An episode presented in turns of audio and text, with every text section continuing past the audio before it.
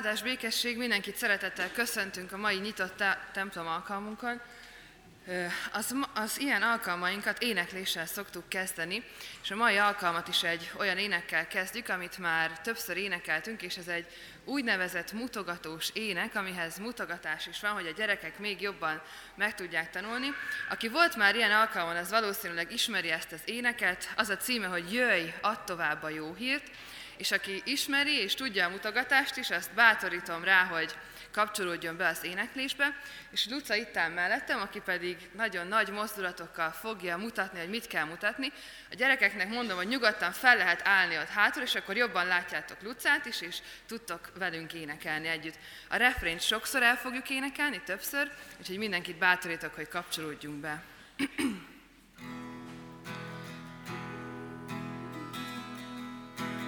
Jöjj, add tovább a jó hírt, mozgass meg minden megmozgathatód. Jöjj, add tovább a jó hírt, hogy Urunk, küld meghívót. Még egyszer jöjj! Jöjj, add tovább a jó hírt, mozgass meg minden megmozgathatód. Jöjj, add tovább a jó hírt, hogy Urunk, küld meghívót.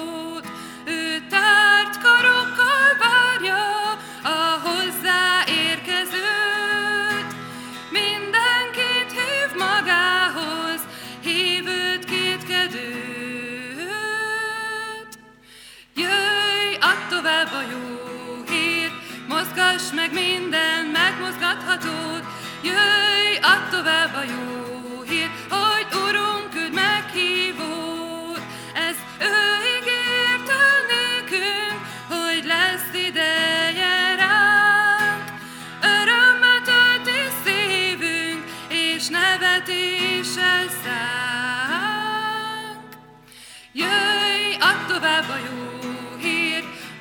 mozgass meg minden megmozgathatót. Jöjj, add tovább a jó hírt, hogy Urunk, küld meghívót. Jöjj, jöjj, add tovább a jó hírt, mozgass meg minden megmozgathatót. Jöjj, add tovább a jó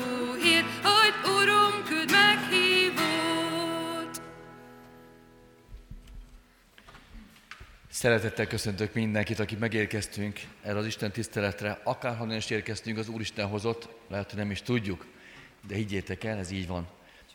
A hétvégén nem csak a mi családunk, hanem biztos sok család ünnepelt, hisz bollagás volt a hétvégén, és szerintem sok könyv csordult az országon, sok szíve elszorult, köztük mi is így voltunk szülők, kedves feleségemmel, hisz a nagyobbik fiunk ballagott a református gimnáziumból. Egy szó jutott eszembe erről az eseményről, illetve a mostani gondolatcsornak egy szavát emelném ki, ez az emlékezés. Nagyon nagy ajándéka az Úristennek az emlékezés. Óriás ajándéka ez. Annak ellenére is, hogy az ördög is használja ezt, mert egy csomószor emlékeztet bennünket a bűnünkre, hogy bezzeg, és vissza, amit már nem is tudunk visszacsinálni, újra a fejünkhöz vagdossa, de nagyon jó, hogy az Úristen a kegyelme ezt már egyszer tőlünk elvette, és nekünk erre kell emlékezzünk, hogy amit letettünk bűnt, azt az Úristen a tenger fenekére hántotta, és soha arról meg nem emlékezik. Viszont nagyon jó emlékeznünk napnak minden részén, egy-egy ünnepi alkalmon is, mert az ember csak rohan a hétköznapokban is, annyira jó, hogy amikor az ember meg tud állni, akkor ezt az ajándékot, mint emlékezés tudja használni. Én például most szívesen emlékeztem vissza arra az ígéretre, amit feleségemmel kaptunk, sokszor megerősítve egyébként a 128. Zsoltárból. Így hangzott, feleséged olyan házad belsejében, mint a termő szőlőtő, gyermekeid olyanok asztalot körül, mint az olajfacsemeték. Ilyen áldásban részesül az az ember, aki féli az Urat. Áldjon meg téged Sionról az Úr. Én úgy érzem, megáldotta az Úristen bennünket. Öt gyermek édesapja lehetek, és közülük egy most ballagot. Nagyon-nagyon jó visszaemlékezni erre, mert azért jó pár szó hazajött egyessel Tarsolyba Ábel fiam. Nem sikerült nyelvvizsgával Ábel fiam. Elbukott forgalmi vizsgával nem a régen Ábel fiam. De mégis azt kell mondjam, hogy az Úristen szeret bennünket, mert megállt. És ez nagyon jó, hogyha mindannyiunk szívére ráhelyeződik ez. Ti keresztülők és keresztelőszülők, akik itt vagytok előttünk, Isten hozza benneteket is. Csak most arra, arra kérlek benneteket, hogy csak öt dolgot magatokba gondoljatok végig, miért vagytok hálásak. Csak a picitek kapcsán, akit most éppen megforgatsz, vagy éppen szuszog, vagy oda mosolyott. Tehát, hogy csak ötöt emeljünk ki, padban ülő kedves testvéreim is, amiért most hálát adhatunk, és ne feledkezzünk erről az ajándékról, hogy emlékezhessünk az Úristen jó titeményére. Ilyen hálás szívvel készüljünk a következő mozdulatra, a keresztelésre. Isten áldja meg ezt a néhány percet is körünkben. Áldás békesség nagy szeretettel köszöntöm a gyülekezetet. Különösen nagy szeretettel köszöntjük az édesanyákat ezen a vasárnapon, hiszen anyák napja, vasárnapja van. És köszöntjük a keresztelős családokat, mutatom be őket szeretettel. Bagi Barna és Gerzsenyi Nóra harmadik kislányát fogjuk megkeresztelni, Milla Lilit, keresztülőséget vállalt Bagi Bertalan és Balog Csóti Alexandra. Megkeresztelük dr. Hajtól Csaba Zsolt, Csernák Csilla Viktória második gyermekét, Csenge Arinát, keresztülőséget vállalt Kis János Gábor és Hajtól Regina Anett. És megkereszteljük Vincellier Zsolt és Jócsik Júlia harmadik gyermekét, Mór Károlyt, keresztülőséget vállalt Prekler József és Fülöp Gabriella. Készüljünk erre a szép alkalomra, a 329. dicséretünknek második versét énekelve. A 329. dicséretünk második verse így kezdődik. Nem éltem még a föld színén, te értem megszülettél. thank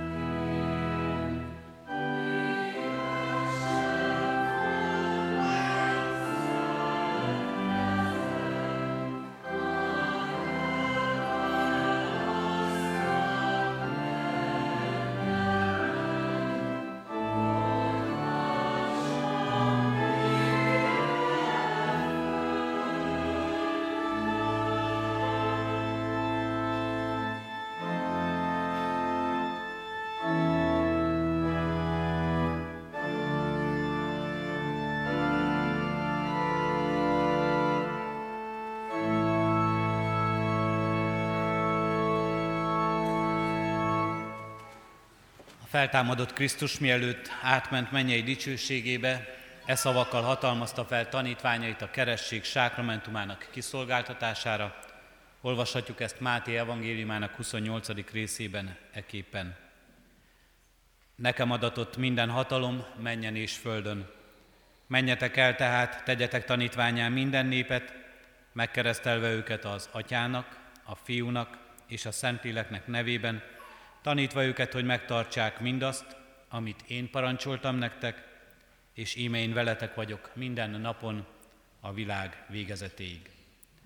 Kedves szülők, kedves keresztülők, kedves gyülekezet, hallgassátok meg még Isten igéjét az Efézusiakhoz írott levél 5. részének első verséből. Legyetek tehát Isten követői, mint szeretett gyermekei.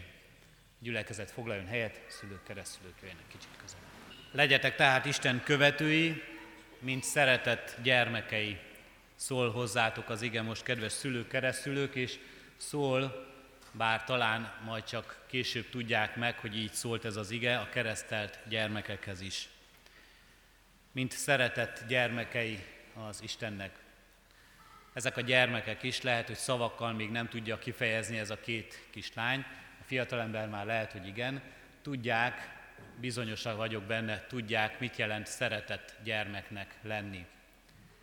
Mit jelent úgy élni, hogy van valaki, aki gondoskodik rólunk, van valaki, aki szeret minket, van valaki, akihez kötődik az életünk.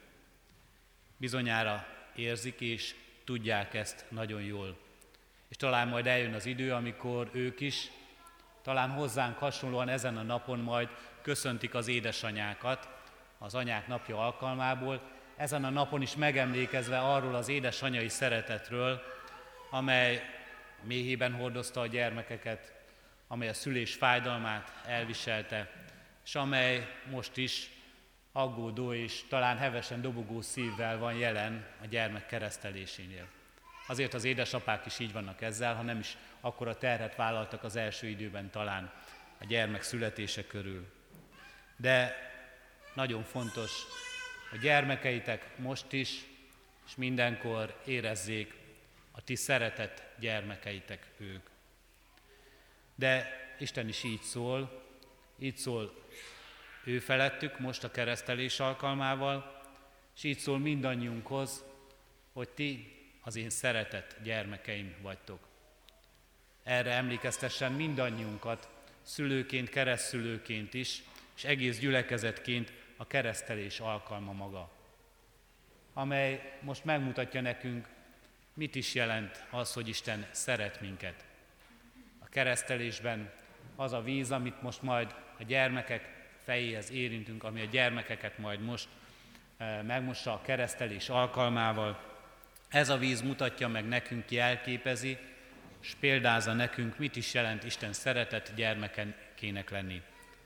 Mit is jelent az, hogy Isten a bűneinket megbocsátó, értünk önmagát áldozó, fiát a keresztre adó Úr, aki így mutatja meg, hogy olyan szerető atya, aki nem csak itt a földi világban akar gondoskodni rólunk, édesanyán, édesapán, keresztülőn, családon, közösségen keresztül, hanem ő tud gondoskodni és akar gondoskodni rólunk, akar gondoskodni ezekről a gyermekekről az örökké valóságban is. Az Isten országát, az üdvösséget, a bűnbocsánat szabadítását és áldását kínálva és kívánva nekik, és ennek közösségébe és szövetségébe fogadva őket most a keresség alkalmával is. Ez az áldás legyen mindannyiunk áldása, a gyermekek áldása, szülők, kereszt szülők áldása, gyülekezet áldása, az egész életünkre nézve. Legyetek tehát Isten követői, mint szeretett gyermekei. Amen. Az ígére válaszolva, fennállva valljuk meg a mi hitünket, együtt elmondva az apostoli hitvallást. Hiszek egy Istenben, mindenható atyában, mennek és földnek teremtőjében, és Jézus Krisztusban, az ő egyszülött fiában, ami Urunkban, aki fogantatott Szentlélektől, született Szűz Máriától, szenvedett Poncius Pilátus alatt, megfeszítették, meghalt és eltemették. Alászállt a poklokra, harmadnapon feltámadt a halottak közül, fölment a mennybe, ott ül a mindenható Atya Isten jobbján, honnan jön el ítélni élőket és holtakat. Hiszek Szentlélekben, hiszem az egyetemes Anya Szent Egyházat, a szentek közösségét, a bűnök bocsánatát, a test feltámadását és az örök életet. Amen. Kedves szülők, keresztülők, hitetek megvallása után Isten és egy gyülekezet előtt jelentsétek ki szándékotokat és tegyetek fogadalmat, hogy gyermeketeket a református egyház közösségében, hitben nevelitek. Válaszoljatok a következő kérdésekre hitvalló szívvel és hallható szóval. Akarjátok-e, hogy gyermeketek a keresztség által az Atya, a Fiú és a Szentlélek közösségébe, a keresztény anya Szent Egyházba befogadtassék? Ha igen, válaszoljátok, akarjuk. Ígéritek-e, fogadjátok-e, hogy gyermeketeket úgy nevelitek és neveltetitek, hogy majd, ha felnő, a konfirmáció alkalmával ő maga önként tegyen vallást a Szent Háromság Istenbe vetett hitéről a gyülekezet előtt. Ha igen, válaszoljátok, ígérjük és fogadjuk. Most hozzád fordulok, Isten népe, református keresztény gyülekezet, ígéritek-e, hogy ezeket a gyermekeket szeretetben és imádságban hordozzátok, és a szülőknek, keresztülőknek minden segítséget megadtok ahhoz, hogy őket hitben neveljék. Ha igen, válaszoljuk, ígérjük. Isten szent adjon mindannyiunknak erőt, ami ígéretünk teljesítéséhez. Hajtsuk meg fejünket és imádkozzunk. Áldunk és magasztalunk, Urunk Istenünk, az életért, az élet ajándékáért. Köszönjük az édesanyákat, az édesanyák megtartott életét. Köszönjük a családokat, a befogadó szeretetet, és köszönjük, Urunk Istenünk, a Te befogadó és elhívó szeretetedet, amelyet most itt megkapnak ezek a gyermekek a kerességben is, amelyre emlékeztet ez mindannyiunkat. Köszönjük, hogy gyermekeid lehetünk. Köszönjük, hogy neked gondod van ránk, gondot viselsz rólunk. Állunk és magasztalunk, Urunk Istenünk, mindezekért. Kérünk ad, hogy mindezt megtapasztalják ezek a gyermekek az életük minden napjában. Gondoskodj róluk, Ajándékoz meg őket, Urunk Istenünk, boldogsággal és békességgel, a nehézségekben, a bajokban szabadítással és vigasztalással. És ajándékoz meg őket, Urunk Istenünk, azzal, hogy érezzék, tudják, bizonyosak legyenek arról, hogy ők a te gyermekeid is, és a te gyermekeidként az örök életnek és az üdvösségnek birtokosai. Hallgass meg Krisztusért. Amen. Mór Károly keresztelnek téged az atyának, a fiúnak és a Szentléleknek nevében. Csenge Arina keresztelnek téged az atyának, a fiúnak és a Szentlélek Istennek nevében. Milla Vili keresztelnek téged az atyának, fiúnak és a Szentléleknek nevében. Kegyelem Istene cselekedje meg, hogy te kisgyermekek növekedjetek az Úr előtt testben és lélekben, hitben és szeretetben. Szüleiteknek, családotoknak, magyar népünknek és a világnak áldására és gazdagítására. Ajándékozom meg titeket, ami Urunk Istenünk bűnbocsátó kegyelmével, hogy részesei lehessetek az örök életnek és az üdvösségnek. Foglaljunk, Foglaljunk helyet, kedves testvérek! És most a megkeresztelt gyermekek és a keresztelő családok köszöntésére hallgassunk meg egy éneket.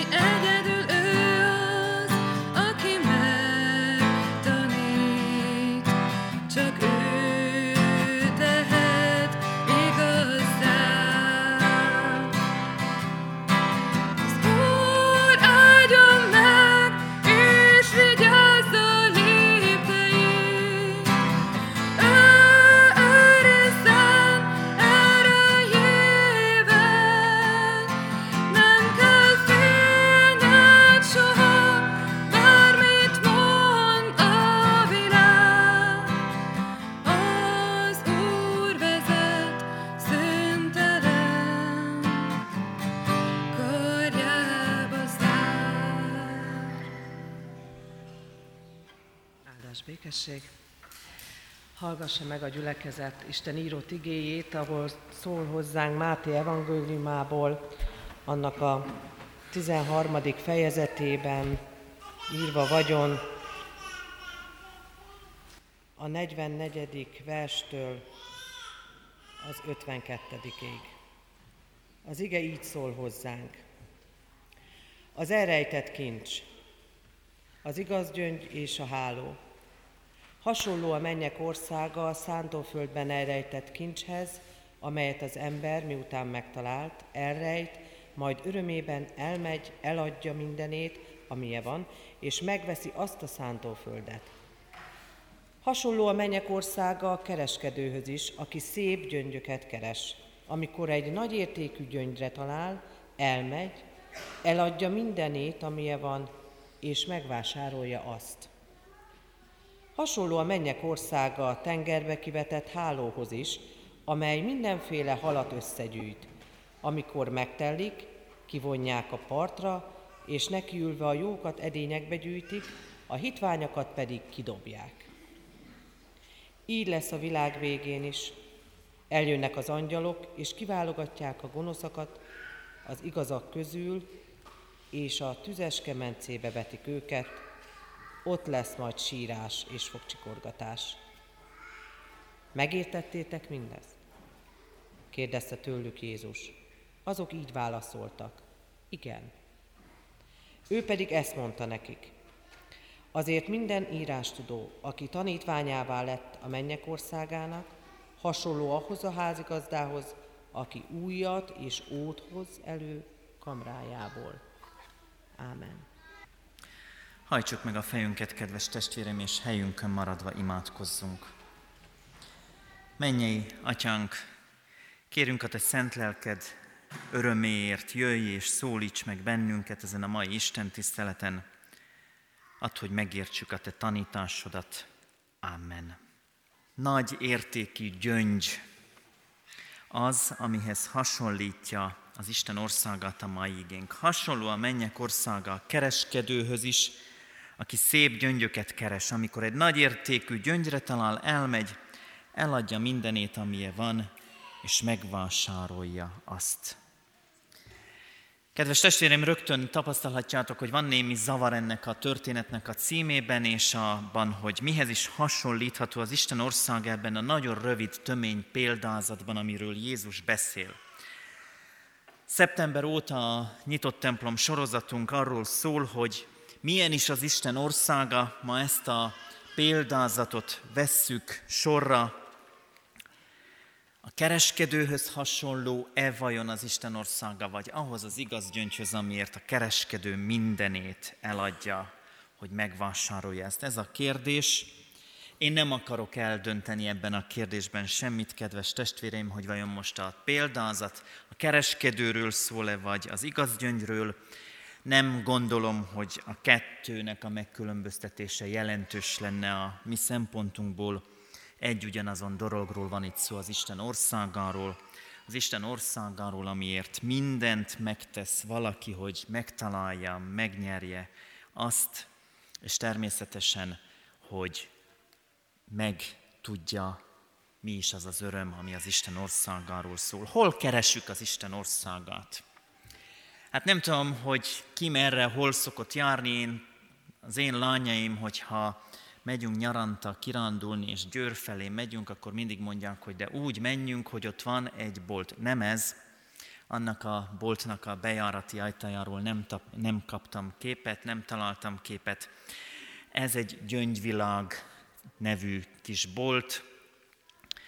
Lehet, hogy itt van Kecskeméten, ha igen, akkor tessék megkeresni, ha nem, akkor van egy nagyon hasonló bejáratú kis bolt, egy kis utcájában Kecskemétnek, ahol gyöngyöket lehet kapni. Gyöngyöket, ahhoz kapcsolódó kapcsokat, damilokat, fölolvasom még, hogy mi minden, bizsú készítéséhez szükséges kellékek, és nyitva be lehetne menni. Persze nem biztos, hogy most nyitva van, nem is arra buzdítok most senkit, hogy álljon föl és hirtelen induljon el, mert ott várja-e a kereskedő a vevőt vagy sem, nem ez a kérdés, hanem hogy hol keressük az Isten országát, hol keressük az igaz gyöngyöt, hol keressük azt az értéket, ami nagyon fontos számunkra. Állítólag, vagy legalábbis bizonyos kutatók szerint a képen látható furcsa formájú alakzat a világ legnagyobb igazgyöngye. Fülöp-szigeteki halászok, halász találta meg, 34 kilós, tíz évvel ezelőtt találta a tengerben, de nem volt még ekkor róla fogalma, hogy mit talált, milyen különleges természeti kincsel van dolga, hanem egy tűz esetén derült ki, amikor a leégett a faháza, akkor kimentette ezt a kincset, és akkor kezdtek el foglalkozni azzal, hogy mi is az, amit ez az amúgy szegény halász őrizget. A gyöngy 61 cm széles, 30 cm hosszú, az értéke 100 millió dollár, azaz körülbelül 27 milliárd forint. Nem tudom, hány sportpályát lehetne ebből építeni. Hivatalosan még nem erősítették ugyan meg a rekordot a hatóságok, de állítólag erre sem kell már sokat várni, hogy visszaigazolják, hogy ez a legnagyobb kincs. De a jelenlegi csúcsot egy 6,4 kg-os gyöngy tartja, ó, bocsánat, nem azt akartam mutatni, mindegy, majd később mutatom, hanem mutatok egy másikat, ez a furcsa formájú igaz gyöngy 320 ezer euró az olyan 100 millió forint. Lehet, hogy még több, lehet, hogy ezt most rosszul számoltam ki. Nyilvános árverésen kelt el, az a neve, hogy az alvó oroszlán. Nagy Katalin orosz cárnéjé volt, és ezt az igaz gyöngyöt a japán kereskedőknek adták el nemrég. Egy japán kereskedőnek adták el nemrég.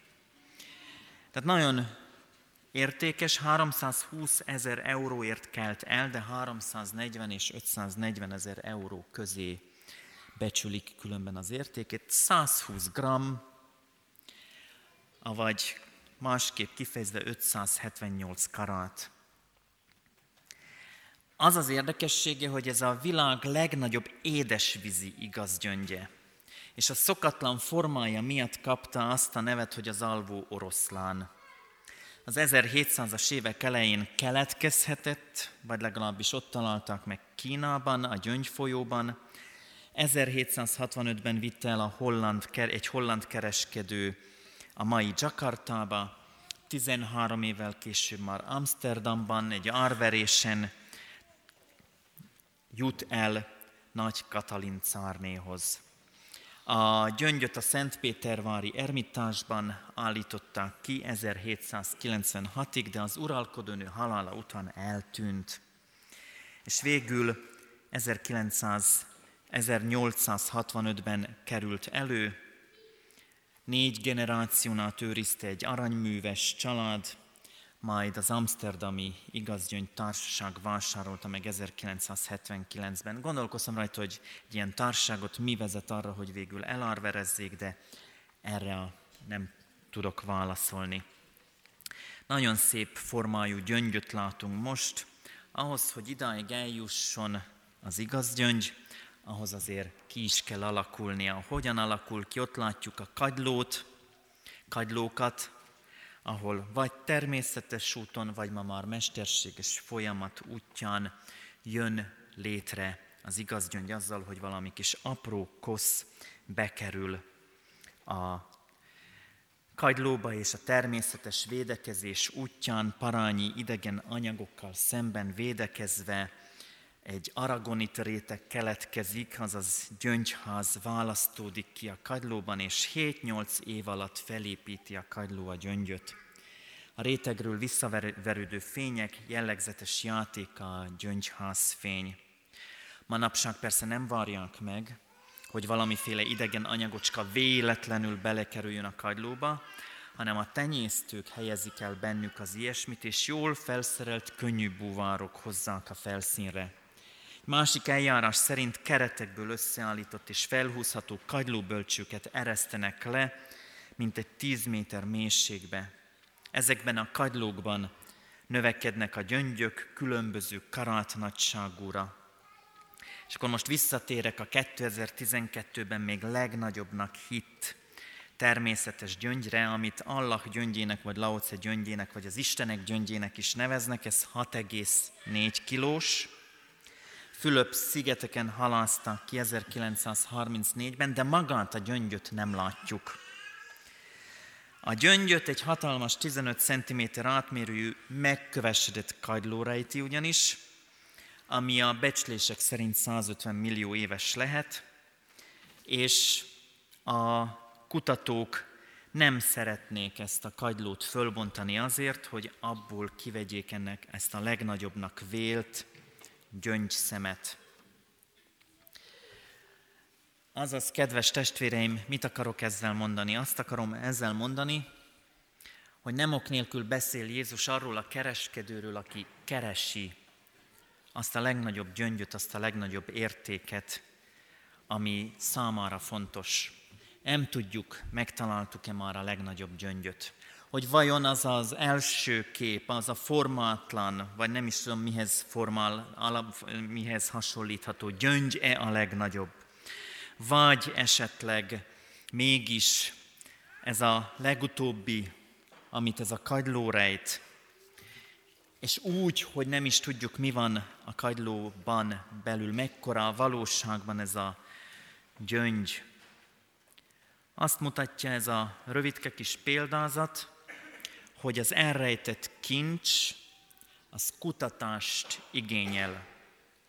Az, aki keresi az elrejtett kincset, az Isten országát, jár a világban, hallja a híreket, nézi az embereket, elmegy a piacokra, talán nem is biztos benne, hogy létezik a valóságban, megvan az a valami különleges, amit keres, de valami folyamatosan nyugtalanítja.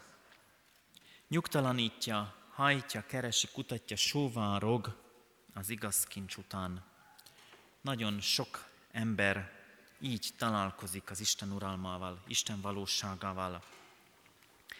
Az is lehet, hogy nem ilyen céltudatosan keressük, erről szólt a korábbi példázatunk, de és egyszer csak rákadunk a kincsre, de van az az életérzés, amikor alapvetően tudjuk, hogy valami hiányzik az életünkből. És van, hogy váratlanul ütközünk ben, bele a kincsbe, de van, amikor a szomjas keresés, utána járás eredménye az, hogy egyszer csak rátalálunk. Igen, létezik az a nagy kincs, az a nagy gyöngy, amit keresünk. Felismerjük az Isten országát. Megismerjük, hogy van sokféle gyöngy, ami megtalált bennünket, vagy amit mi megtaláltunk. Van sok minden, amit kipróbáltunk, amit megszereztünk, de van egy igazi kincs, ami egészen más, mint a többi. Milyen jó lenne, ha olyan egyszerű lenne ennek a megtalálása, hogy úgy, ahogy az első képen mutattam, ott egy üzlet, egy bolt, benyitunk, és tudjuk, hogy ott van az az igaz gyöngy. Hogyan találjuk hát mi meg? Nagyon egyszerű, kedves testvéreim, és mégis rendkívül időigényes, rendkívül sok energiánkat, időnket emészti föl, mert az a nagyon egyszerű abban, hogy Isten országát hogy találjuk meg, hogy Jézus Krisztusban találjuk meg. Ő ezer és egy történetben mutatja be számunkra, és egész életében megmutatja számunkra, életével hozza közénk az Isten országát. Ő az, aki itt most a Biblián keresztül is szól hozzánk, ő az, akiben egyértelművé, világossá, felismerhetővé válik az Isten országa az emberek szeme előtt. Ő az, aki egész életét az Isten országának szolgálatába szentelte, benne Jézusban eljött, elérkezett, elközelített az Isten uralma. Ő az, aki arra hív, hogy ehhez az ország, ebbe az országba térjünk mi meg, azaz forduljunk meg és öleljük magunkhoz az Isten országát. Ezzel a példázattal Jézus itt és most ma minket az ő országába, az ő közelségébe hív. Arra hívja fel a figyelmünket, hogy ezer és egy kincs közül önála van a legnagyobb kincs, ami az életünk legnagyobb értéke lehet. Hogyan találom meg? Hogyan jutok el idáig? Hogyan ismerem föl annak az örömét, hogy Jézus Krisztusban az Isten országa közénk érkezett. Hosszan sóvárgunk talán utána, keressük, mi az, amikor megtapasztaljuk, hogy beteljesül a legmélyebb vágyakozás fölötti öröm az Istennel, Jézus Krisztus megváltó szeretetével való találkozásunk öröme. Miért kincs? Miért igaz gyöngy? Mi hozza az örömet? Miért így beszél erről Jézus? Azért, mert az ember számára a legfőbb jó Isten királyi uralmának a megkóstolása. Az ember számára a legfőbb jó, amikor Isten jelenléte ledönti a falakat, ami a szíve és Isten között volt. Az ember számára a legfőbb jó, mindaz, amiről olyan sokat beszéltünk, beszélünk hétről hétre, Isten tiszteletről Isten tiszteletre, hogy felismerem, hogy Isten kiválasztott engem, magáénak tud Jézus Krisztusban, az övé lehetek. Amikor felismerem, hogy Isten minden hibámat, minden bűnömet, minden elrontott dolgomat, és annak minden terhét leveszi rólam. Itt talán egy kicsit hasonlítunk a kagylóban keletkező igazgyöngyhöz. Van valami apró kis kosz, piszok, valami nem oda tartozó. És ezt a nem oda tartozót, ezt a nem oda valót, ezt a nem rendeltetésszerű dolgot átformálja, átalakítja, át teszi, gyöngyöt tesz a helyére az Úristen. Minden példa sántít, ez a példa is sántított egy kicsit, amit most mondtam, de értsük jól, amikor átélem, hogy Krisztus kegyelméből az én hiányosságaim teljességgé lesznek benne. Jézus Krisztusban szabad lehetek. Átélem, hogy nem magam vagyok a világban, hanem Isten az ő gyermekévé fogadott Jézus Krisztusban. A legfőbb jó, amikor átélem, hogy az Isten szent lelke betölt, és elpecsétel, és azt mondja, én hozzá tartozom. Augustinus így mondja ezt. Nyugtalan a lelkünk, amíg benned nyugalmat nem talál. Éhes és szomjas a lelkünk. Amíg a legfőbb jót Isten jelenlétét, szeretetét és kegyelmét meg nem kóstoljuk. Ezért mondja egyik református hitvallásunk, a Westminsteri hitvallás is, az ember életének a legfőbb célja Istent dicsőíteni és őt örökké élvezni. Igen, élvezni, mert ez kincs, igaz gyöngy. Amikor ezt a kincset magadhoz öleled, azt élvezed, gyönyörködsz benne, a legfőbb jóként, a legnagyobb értékként tapasztalod meg. Nem véletlen, hogy azt mondja Jézus, ilyen az Isten országa. Ilyen az Isten országát megtalálni. Határtalan öröm, határtalan, izg, határtalan izgalom, határtalan újongás. Ott van az igaz gyöngy valahol. És amikor meglátják, mindent, mindent odaadnak érte. Arra hívlak, kedves testvérem, téged is, hogy keresd ezt az igaz gyöngyöt, találd meg, és gyönyörködj ebben az igaz gyöngyben, napról napra a te életedben is. Légy részese Isten országának.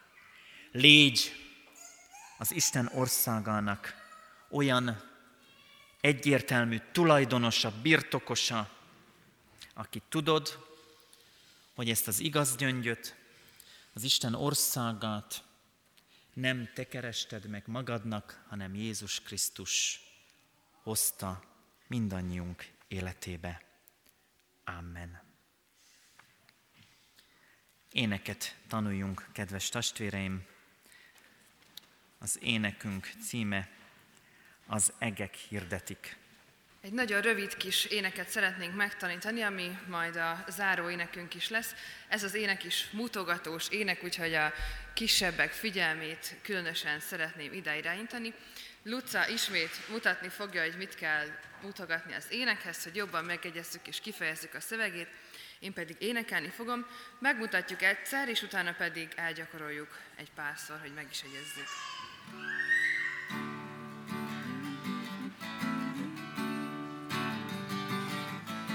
Az egek hirdetik, hogy ő az Úr. A hegyek hirdetik, hogy ő az Úr. Dicsőségéről beszél az egész teremtés.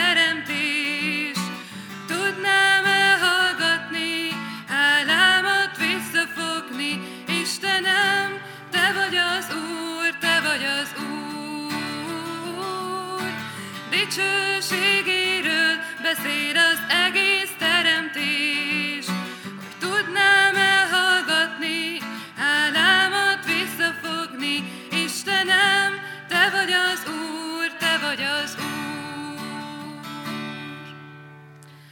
Most mondjuk el egy párszor a szöveget, és mutogassuk el, ahogyan Luca mutatja. Nagyon egyszerű, hiszen az egész csak négy sorból áll. Az első két sor az az, hogy az egek az egek, mutassátok velünk, az egek hirdetik, hogy ő az Úr. És akkor valami más is hirdeti, a hegyek, ezt nagyon egyszerűen így mutatjuk, a hegyek hirdetik, így hirdetjük, hogy ő az Úr. Ez nagyon egyszerű volt, szerintem meg is jegyeztük, és a refrén része pedig dicsőségéről beszél az egész teremtés, hogy tudnám elhallgatni, hálámat visszafogni? Istenem, Te vagy az Úr, Te vagy az Úr. Nagyon egyszerű, azt hiszem, hogy mindenkinek menni fog, úgyhogy most énekeljük el közösen ezt az éneket, és mindenkit bátorítok, hogy kapcsolódjunk be, nem csak a gyerekeket, hanem a felnőtteket is.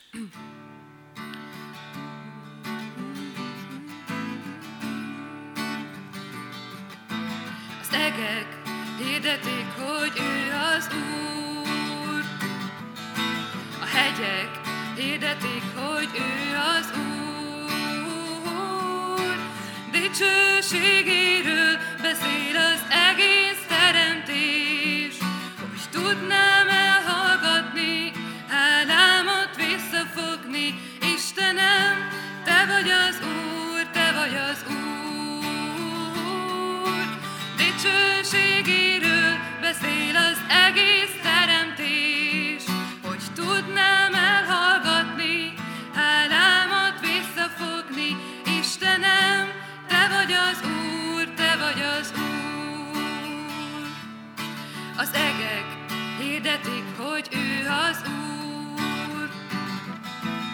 hegyek hirdetik, hogy ő az Úr. Dicsőségéről beszél az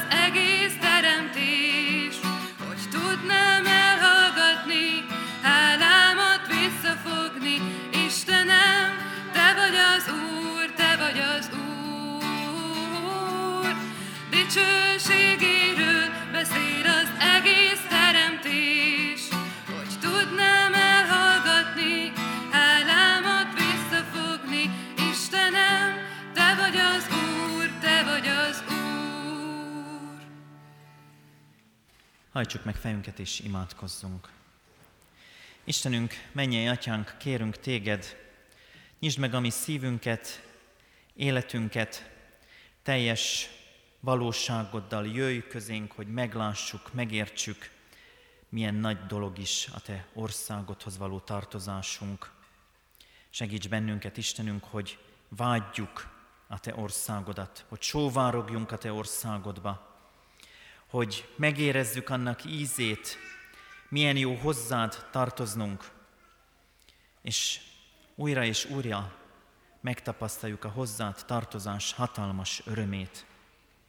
Segíts bennünket, Istenünk, hétköznapjainkban, hogy ez a sóvárgásunk ne csak egy-egy ünnepi alkalom, ne csak egy keresztelői alkalom, ne csak egy családi ünnepé, ne csak az anyák napi öröm legyen, hanem mindannak az öröme Istenünk, amivel napról napra meg akarsz bennünket ajándékozni. Bátoríts bennünket, Urunk, hogy keressünk Téged, hogy kutassunk Téged, hogy vágyakozásunkat ne csillapítsa emberi dolgokkal való megoldása, csitítása annak, hogy mi igazából Téged keresünk. Benned nyugszunk meg. Jöjj Istenünk, jöjj, hogy a Te országod dicsőségét hirdessük egész életünkkel. Amen. Csendes percben vigyük Isten elé egyéni imádságainkat.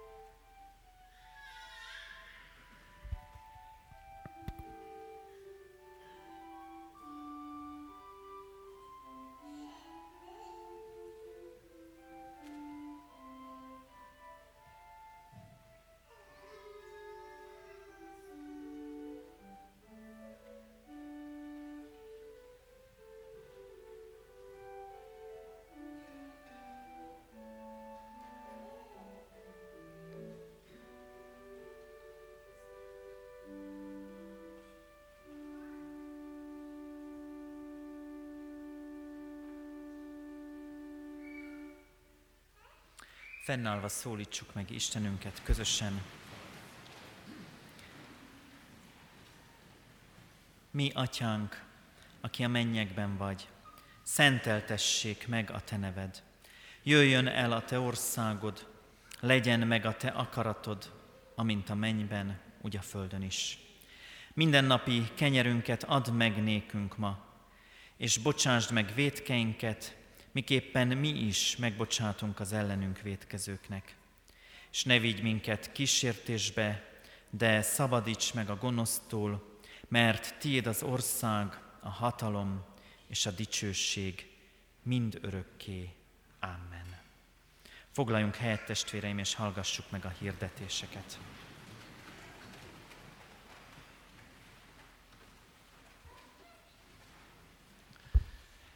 Szeretettel hirdetem minden kedves itt jelenlévőnek, hogy a hirdetőlap, amiből most néhány dolgot kiemelek, a kijáratoknál elvihető állapotban van. Vigyünk belőle többet is, hogy akik nem tudtak jelen lenni ezen az Isten tiszteleten, ők is tudjanak informálódni gyülekezetünk híreiről. Két dolgot szeretnék hirdetni most ebből kiemelni, ebből a hirdetőlapból, két hírt. A presbitérium ebben az évben két fontos közadakozást hirdetett. Az első a templom felújítását szolgálja. Ennek a templomnak a felújításáról beszélek. Ezekben a napokban kapják meg gyülekezeti tagjaink és munkatársaink azt az adománykérő levelet, amelyben részletesen leírjuk az adakozás többféle lehetőségét.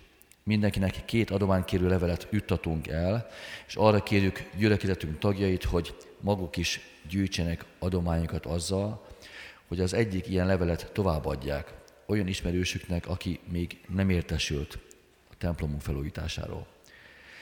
Húsvéttól elkezdtük árosítani a templom felújítást támogató cserépjegyeket, amelyeket a gazdasági hivatalban folyamatosan meg lehet vásárolni. de kiemelt gyülekezeti alkalmainkon is árosítani fogjuk, legközelebb a május 11-i Elmosi gyülekezeti napon. 1684.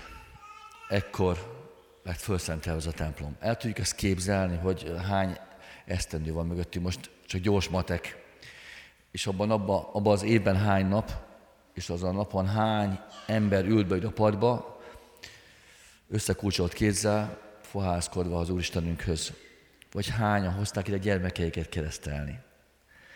Vagy hányan adtak hálát a családjukért. Szóval sorolhatnám sorra, hogy mennyi-mennyi ajándék itt átadva az Úristen részéről a lelkekbe, szívekbe, vagy csak mi, amikor, akik most hazamegyünk, egy-egy gyöngyszemet viszünk magunkkal a szívünkben, egy-egy üzenetet, ami aztán valódi nagy gyöngyét tud kinőni Isten áldásával. Ebbe a templomban kaptuk ezt meg mi is. Legyünk hát így, hálás szívek és odakozó kedvűek, és erre bátorítsunk sokakat. A másik ilyen a Széchenyi Városi Gyülekezeti Központ felépítésének támogatására hív bennünket. Erre a célra a Széchenyi Városi Isten tiszteleteken adakozhatunk, illetve a gazdasági hivatalban fizethetjük be adományainkat. Széchenyi Városi Misszió megjelöléssel. És egy utolsó. Az imádság nem kerül semmiben sem, csak egy összekulcsolt kéz és egy őszinte ott lét az Úristenünk előtt. Nem le se kell térdelni, csak alázattal eléállni. Azt ígértük itt a keresztül családoknak, hogy mindenben támogatjuk őket. Kezdjék itt, hogy imádkoznunk értük, a picikér, a szülőkér, hogy megtalálják ezek az apróságok közül Úrukat, az Úr Jézus Krisztust. És lehet imádkozni a gyülekezetünkért, a gyászló családokért, az esküvőre készülőkért, de a saját magunk családjáért, az édesanyákért is. Úgyhogy erre is bátoroltam benneteket, kulcsoljuk össze kezünket minden nap, legyen hálás szívvel az Urunk felé. Most meg arra kérem szépen Henit, hogy segítse énekkel Isten tiszteletünk zárását, még áldás előtt. Szóval az előbb tanult énekünket énekeljük most zárásképpen. Reméljük, hogy így megmarad nem csak az üzenet, amit ma hallottunk, hanem énekes formában is magunkkal vihetjük.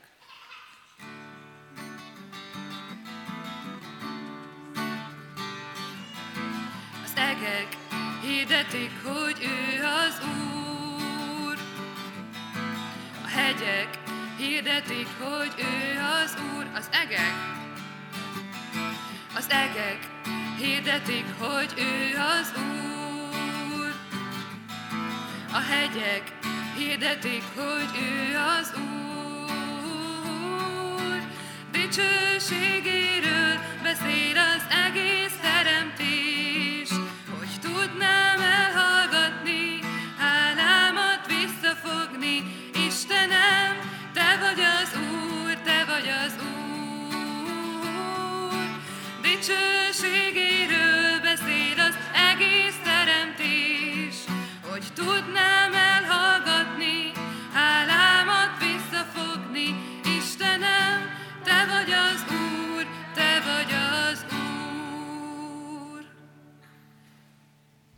Fennállva fogadjuk Isten áldását.